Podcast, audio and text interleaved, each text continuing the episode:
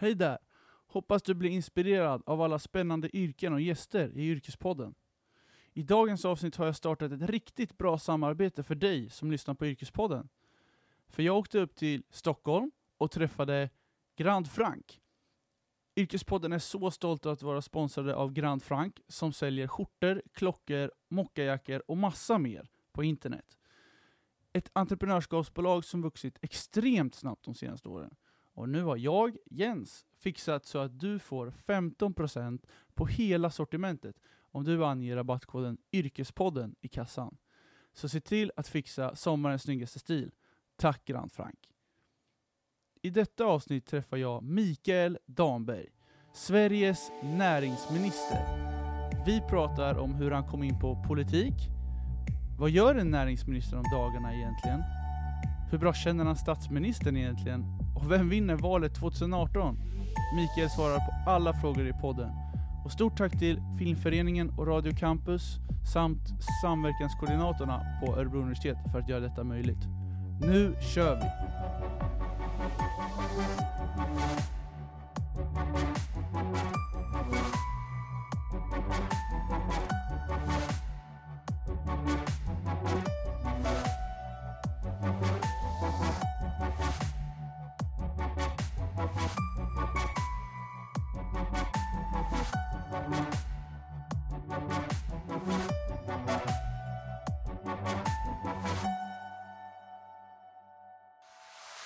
Ja, varmt välkomna allihopa till Yrkespodden. I dagens eh, avsnitt så har jag med mig en gäst som heter Mikael Damberg. Välkommen! Tack så du ha. Hur känns det att vara med på Yrkespodden? Ja, det är ju lite förväntansfullt eftersom vi har träffats förut och du berättade om den. Så nu, nu gör vi verklighet av saken också. Det här är kul. Kul att du kunde ställa upp. Mm. Vi har lite kort tid så vi tänkte köra igång direkt. Mm. Eh, men först kan du väl bara få berätta, vem är Mikael Damberg? Jag är närings och innovationsminister i regeringen. Så jag jobbar väldigt mycket med växande företag, exporterande företag, företag som ligger långt fram i utvecklingen eller innovation. Ett jättespännande uppdrag. Eh, annars så har jag två barn, eh, tonårsdöttrar. Eh, bor i Solna utanför eh, Stockholm eh, men är ingift Hallsbergare för att göra en liten eh, koppling. Så jag har hittat min fru i Hallsberg i Örebro län. Eh, men vart är du uppväxt någonstans då? Jag är uppvuxen i Solna. Jag, jag brukar skämta och säga att jag aldrig har lämnat kommunen. Eh, därför nu har jag faktiskt till och med flyttat tillbaka till Ja det här blir jättekomplicerat. Jag har flyttat tillbaka till mammas gata. Eh, så att jag bor på samma gata som min mamma nu. I det bostadsområde som jag är uppvuxen i. Men extra kursen är att just nu är det stamrenovering. Så hela familjen har flyttat in hos mamma också. Och det är, det är lite kaosartat. Mitt, eh, i livet. Det, har, det, har, det hade jag inte tänkt att det skulle göra. Så att, nej men jag bor i Solna, jag trivs väldigt bra där. Ehm, och, ja, jag är väldigt lokalpatriotisk, så det här är min hemkommun som jag, som jag har levt hela mitt liv i nästan. Men eh, vad har du gått för gymnasium? Är det borta i Solna också eller? Mm. Nu heter det Solna gymnasium, men på den tiden hette det Vasalunds gymnasieskola. Eh, och jag gick ekonomprogrammet där. Så att, eh, ja det kan man fundera på efteråt om det var rätt eller inte, men, men det gjorde jag i alla fall. Vad hände efter studenten då? Jag började plugga på universitetet, eh, Stockholms universitet. Eh, jag pluggade förvaltningslinjen hette det då. Det är en blandning av kan man säga statsvetenskap och ekonomi. Eh, så att egentligen samhällsekonomi och hur, hur det påverkar och så. Så, att, eh, ja, så jag pluggade förvaltningslinjen. Sen började jag jobba politiskt där någonstans så att jag tog en paus Eh, väntade lite med att skriva färdigt uppsatsen och så. Det är bara ett tips till studenter att gör inte det för snabbt. För sen när man ska göra den där uppsatsen och göra färdigt det, då är det ganska jobbigt. Så det är ganska skönt att jobba färdigt faktiskt. Ett litet råd från en som vet hur det är att ta en paus. Hur lätt eh, det blir att den här pausen blir flera år och man får jobba ganska hårt för att ta examen. Men det har jag i alla fall. Jag förstår. Jag ska själv faktiskt skriva C-uppsats nu till höst så jag får väl vara förberedd på ganska mycket jobb. Men eh, vi tänkte kolla lite, den här utbildningen som du gick, hur många år är den? Ja, nu kommer jag inte ihåg, men den var tre, tre och ett halvt år eller någonting. Eh, Så det var ju en, en sammanhållen utbildning då kan man säga. Så att, eh, ja, men det var kul. Eh, Lärde sig mycket. eh, Favoritämnet skulle jag säga nästan var juridik och det hade jag nog inte sett komma innan. Men jag tyckte juridikkurserna var väldigt spännande. det som var jobbigast på något sätt, det var statistikavdelningarna. Där, där också, jag trodde när jag väl lämnade in, när jag väl tog tjänstledigt och lämnade in min C-uppsats, skrev färdigt den, då trodde jag att jag var helt klar. Då fick jag beskedet från universitetet, nej, du saknar några poäng på en fortsättningskurs i statistik. Det tog mig nästan lika lång tid att göra färdigt de där få poängen som det tog mig att skriva färdigt uppsatsen. Därför jag fick läsa in hela statistiken. Jag hade ju glömt allting, så jag fick läsa upp allting. Till saken hör att jag kommer ihåg när jag gick på universitetet, då var det en sån här floppy disk, såna här stora fladdriga disketter man stoppade in i, i, i, i datorn. När jag kom tillbaka så var det helt andra dataprogram. Helt, alltså, det var en helt annan uppgift jag fick göra när jag kom tillbaka. Så att, ja, nej, men, eh, men det var en blandning, du märker det är lite olika ämnen. Statistik, statsvetenskap, ekonomi eh, och så. Men det var en bra utbildning. Men skulle du säga att när du hade den här pausen emellan, var det då du kom in på den här politiska världen? Eller har du alltid varit intresserad av det? Nej, inte när jag var liten. Då var jag inte intresserad. Men det började någonstans när jag var på gymnasiet. Eh, för då var det en valrörelse och då kom det en massa såna här riksdagspolitiker till skolan och hade debatter. Och, och jag var ju intresserad av hur saker och ting hängde ihop och sådär. Men det som gjorde mig väldigt imponerad var att det satt några elever längst fram egentligen. Och de ställde så sjukt svåra frågor till de här politikerna som kom. Och det råkade vara den lokala SSU-klubben eh, som värvade mig och jag gick med. Och sen den dagen så är jag liksom alltså jag blev indragen. Jag tycker det är otroligt spännande med politik. Hur saker och ting hänger ihop idag. Hur världen hänger ihop med Trump eller handelshinder mellan USA och Kina eller vad som händer med Storbritannien lämnar EU eller vad som händer i Östeuropa med de antidemokratiska tendenser som finns där. Eh, och här hemma, jättespännande att förstå också hur man kan förändra samhället. För Sverige är ju lite annorlunda än många andra länder. Vi är ju liksom ett av världens mest jämställda länder, ett av världens mest jämlika länder. Och det har inte blivit det av en slump. Vi har haft en idé om att vi ska bygga ett samhälle på det sättet. Så att, ja, jag tycker det är otroligt spännande. Men när du, när du var klar med examen, mm. Fick du ett politikerjobb direkt då? Eller hur, hur, jag hade ju mitt jobb innan, så jag fick ett... Jag Vart fick, var det då? Ja, men mitt första politiska jobb som var på riktigt, det var eh, åt försvarsministern. Så jag fick jobba och skriva tal och underlag till Sveriges försvarsminister. Eh, så det var otroligt spännande, lärde mig mycket om säkerhetspolitik och sådär. Väldigt aktuellt idag. Igen när försvar och säkerhet diskuteras på ett helt annat sätt. Eh, så att, men sen tog jag tjänstledigt för att skriva färdigt min uppsats. Och då gick jag tillbaka och gjorde det och sen kunde jag fortsätta jobba. Så att, ehm, eh, ja, och sen, sen hände det en massa andra saker i mitt liv. Ja, alltså jag kan ju tänka mig att det är en, det är en ganska lång resa från att eh, ta examen och till att bli näringsminister. Eh, kan du berätta lite, hur, har vägen varit krokig eller har den varit spikrak? Ja, men, det är många människor som eh, på något sätt karriärplanerar förstått att det heter. Jag är väldigt dålig på karriärplanering. Jag vet, politik är en förtroendebransch. Så det är inte så att man söker jobb eller gå på någon jobbintervju. Så att hela grejen med politik är att andra människor tycker att man själv är, är duktig på något och man får förtroendet att föra deras talan. Så det är en lite annan typ av miljö. Det är ungefär som att vara med i en idrottsförening tror jag. Att man blir duktig, man får kanske sitta med någonstans, man får bestämma någonting. Så funkar det i politiken också, vilket gör att jag, jag, tror inte att det funkar att planera sitt liv i sån här sjok. Jag tycker man ska följa det man är intresserad av, det man är som man tycker man kan lägga mycket tid på. För man måste lägga mycket tid på någonting om man ska bli bra. Det är i alla fall min erfarenhet. Och jag har lagt mycket tid från allt från lokala SSU-klubben till att organisera möten, till att bli personalansvarig och hand om ombudsmän. Till att... Jag har gjort så konstiga saker i politiken som inte alls har med näringspolitik att göra till dess jag hamnade här. Men innan jag blev näringspolitik, näringsminister, jag, kom in, jag blev SSUs ordförande i Sverige. Så jag blev Socialdemokraternas ungdomsförbunds ordförande i hela Sverige. Vad gör man då? Då, då är man ju lite Även om man är hyggligt ung så, så är man anställd egentligen av SSU. Eller man jobbar på det i två år plus två år, så jag var fyra år. Så då åkte jag runt i hela Sverige och företrädde SSU på debatter, diskussioner, eh, radiointervjuer och sådär. Så jag var ju lite SSUs röst under fyra års tid. Och det är ju jättespännande. Men det gör ju att min väg blev lite annorlunda. För när jag väl var SSUs ordförande så fick jag frågan om inte jag ville bli riksdagsledamot när jag skulle sluta. Så jag blev riksdagsledamot när jag var... Så, så det, för mig ramlade det på lite grann. Men blir man tillfrågad som du säger? Eller är det någonting man ansöker om? Eller hur går det Nej, till? man, det är ju nomineringar. Så att ofta är det så att man måste vara med om man, är, om man liksom godkänner att ens namn blir fram, förs fram. Och så blir det ofta omröstningar om man ska bli en kandidat eller inte. Så jag kommer ihåg när jag skulle bli riksdagsledamot. Då stod jag ganska långt ner på riksdagslistan först och jag har sagt jo men jag kan tänka mig att försöka bli riksdagsledamot.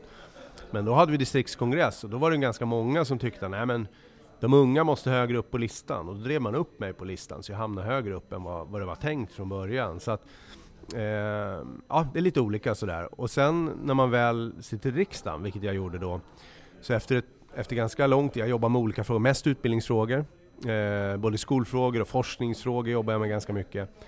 Men sen blev Stefan Löfven, då blev han eh, partiledare för Socialdemokraterna. Har ni han- jobbat ihop eh, förresten för en lång tid tillbaks? Mm, exakt, så att, exakt när han, jag har träffat honom tidigare också, eh, och, men framförallt när han blev partiordförande, då um, frågade han mig, för han satt inte i riksdagen, då frågade han mig om, ha, om jag kunde bli gruppledare i riksdagen. Så jag tog hans partiledardebatter i riksdagen.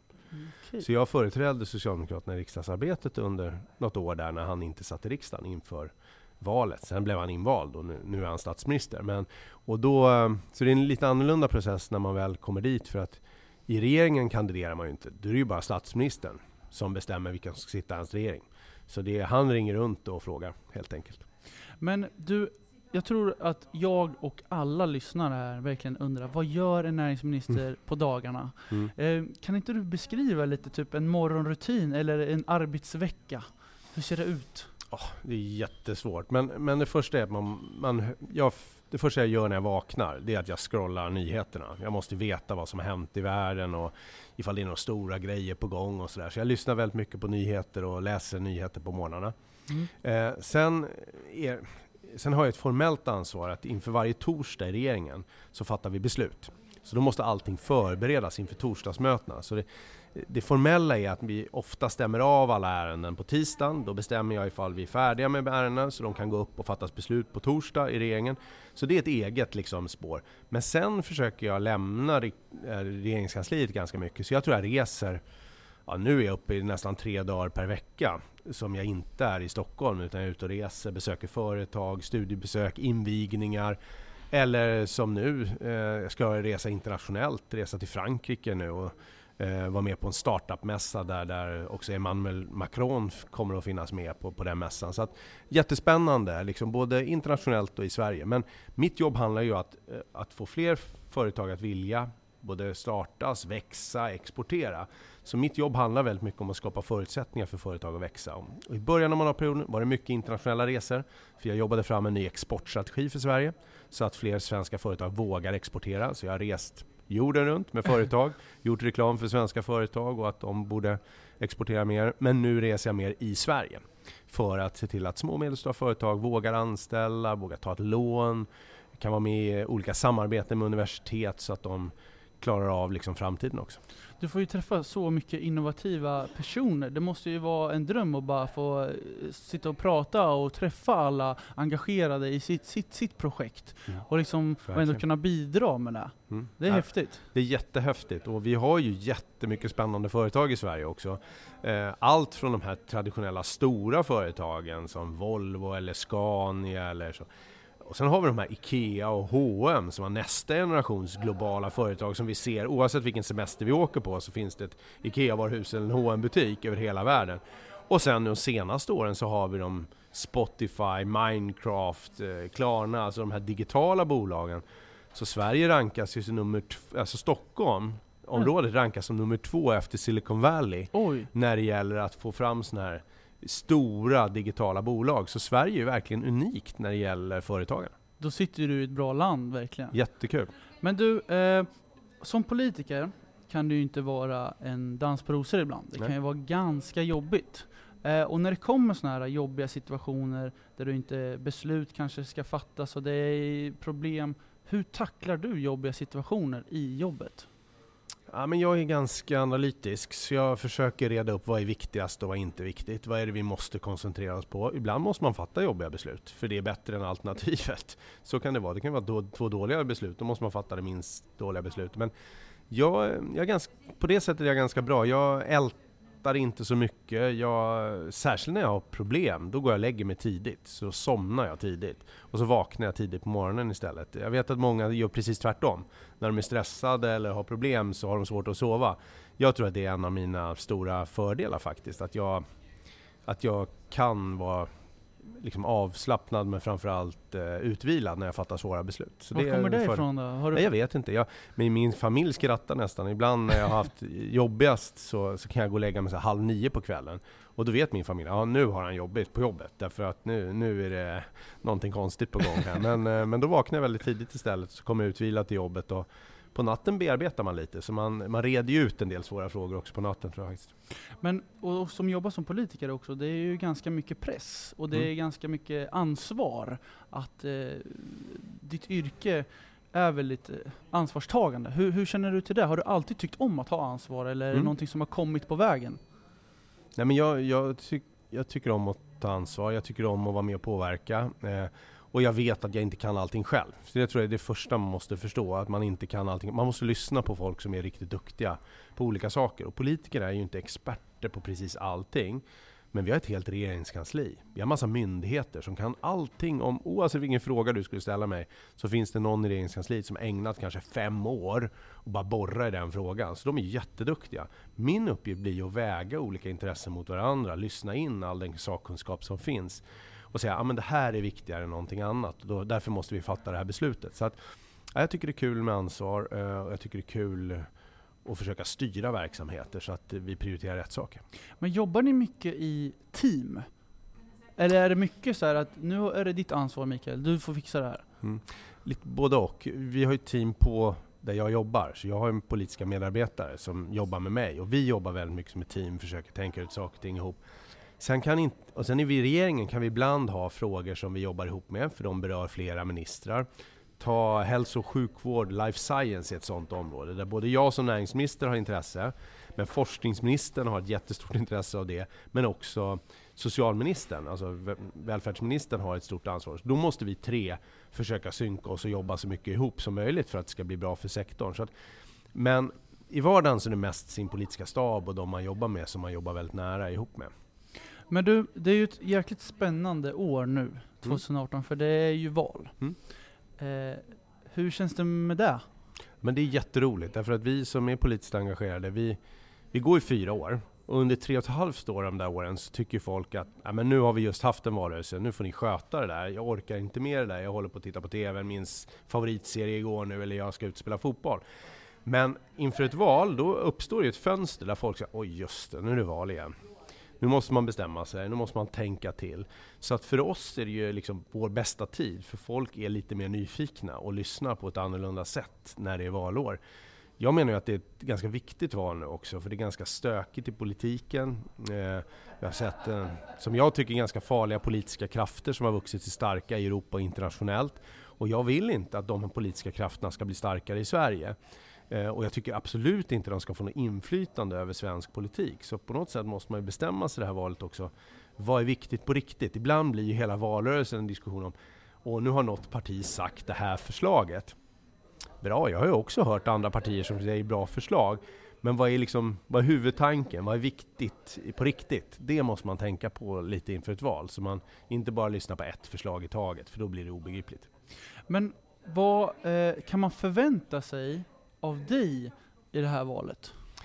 Vad menar du? Men typ så här, eh, om jag ska rösta, mm. och jag ska rösta på Socialdemokraterna, mm. vad, vad, kan jag förvänta mig av er? Kan man säga så? Ja, ja, men vår viktigaste fråga det är ju att vi säger att tryggheten är den viktigaste frågan just nu den här tiden, faktiskt. Både därför att världen ser ut som den gör, ganska stökig, men också för att vi haft en del problem med hårda trygghetsfrågor. Alltså skjutningar och kriminalitet i tuffa bostadsområden och så. Det måste vi få bukt med i Sverige, för annars har inte du och jag frihet, då blir vi oroliga. Men det andra är tryggheten i välfärden, i, i vanliga människors liv. Och där säger vi att nu måste vi hålla ihop Sverige ganska mycket, därför att pensionärerna har det ganska tufft. Och då är det viktigt att de får gå före till exempel stora skattesänkningar. Vi är beredda att satsa mycket på sjukvård och skola, därför vi tror att det är investeringar som måste göras. Och det finns andra partier som säger nej men du ska få ett nytt jobbskatteavdrag. Du som redan har ett jobb ska få lite mer pengar i plånboken ja, men vi som har ett jobb har det ganska bra i Sverige. Det kanske är så att vi också måste fundera på vilket samhälle vill vi bygga då? Och då tror jag att för oss blir frågan om trygghet och ett starkt samhälle viktigt nu. För vi tycker att det finns för stora skillnader och även stora utmaningar som inte klaras om vi inte satsar nu. Så det är väl en sån fråga som, som vi kommer driva mycket i valet.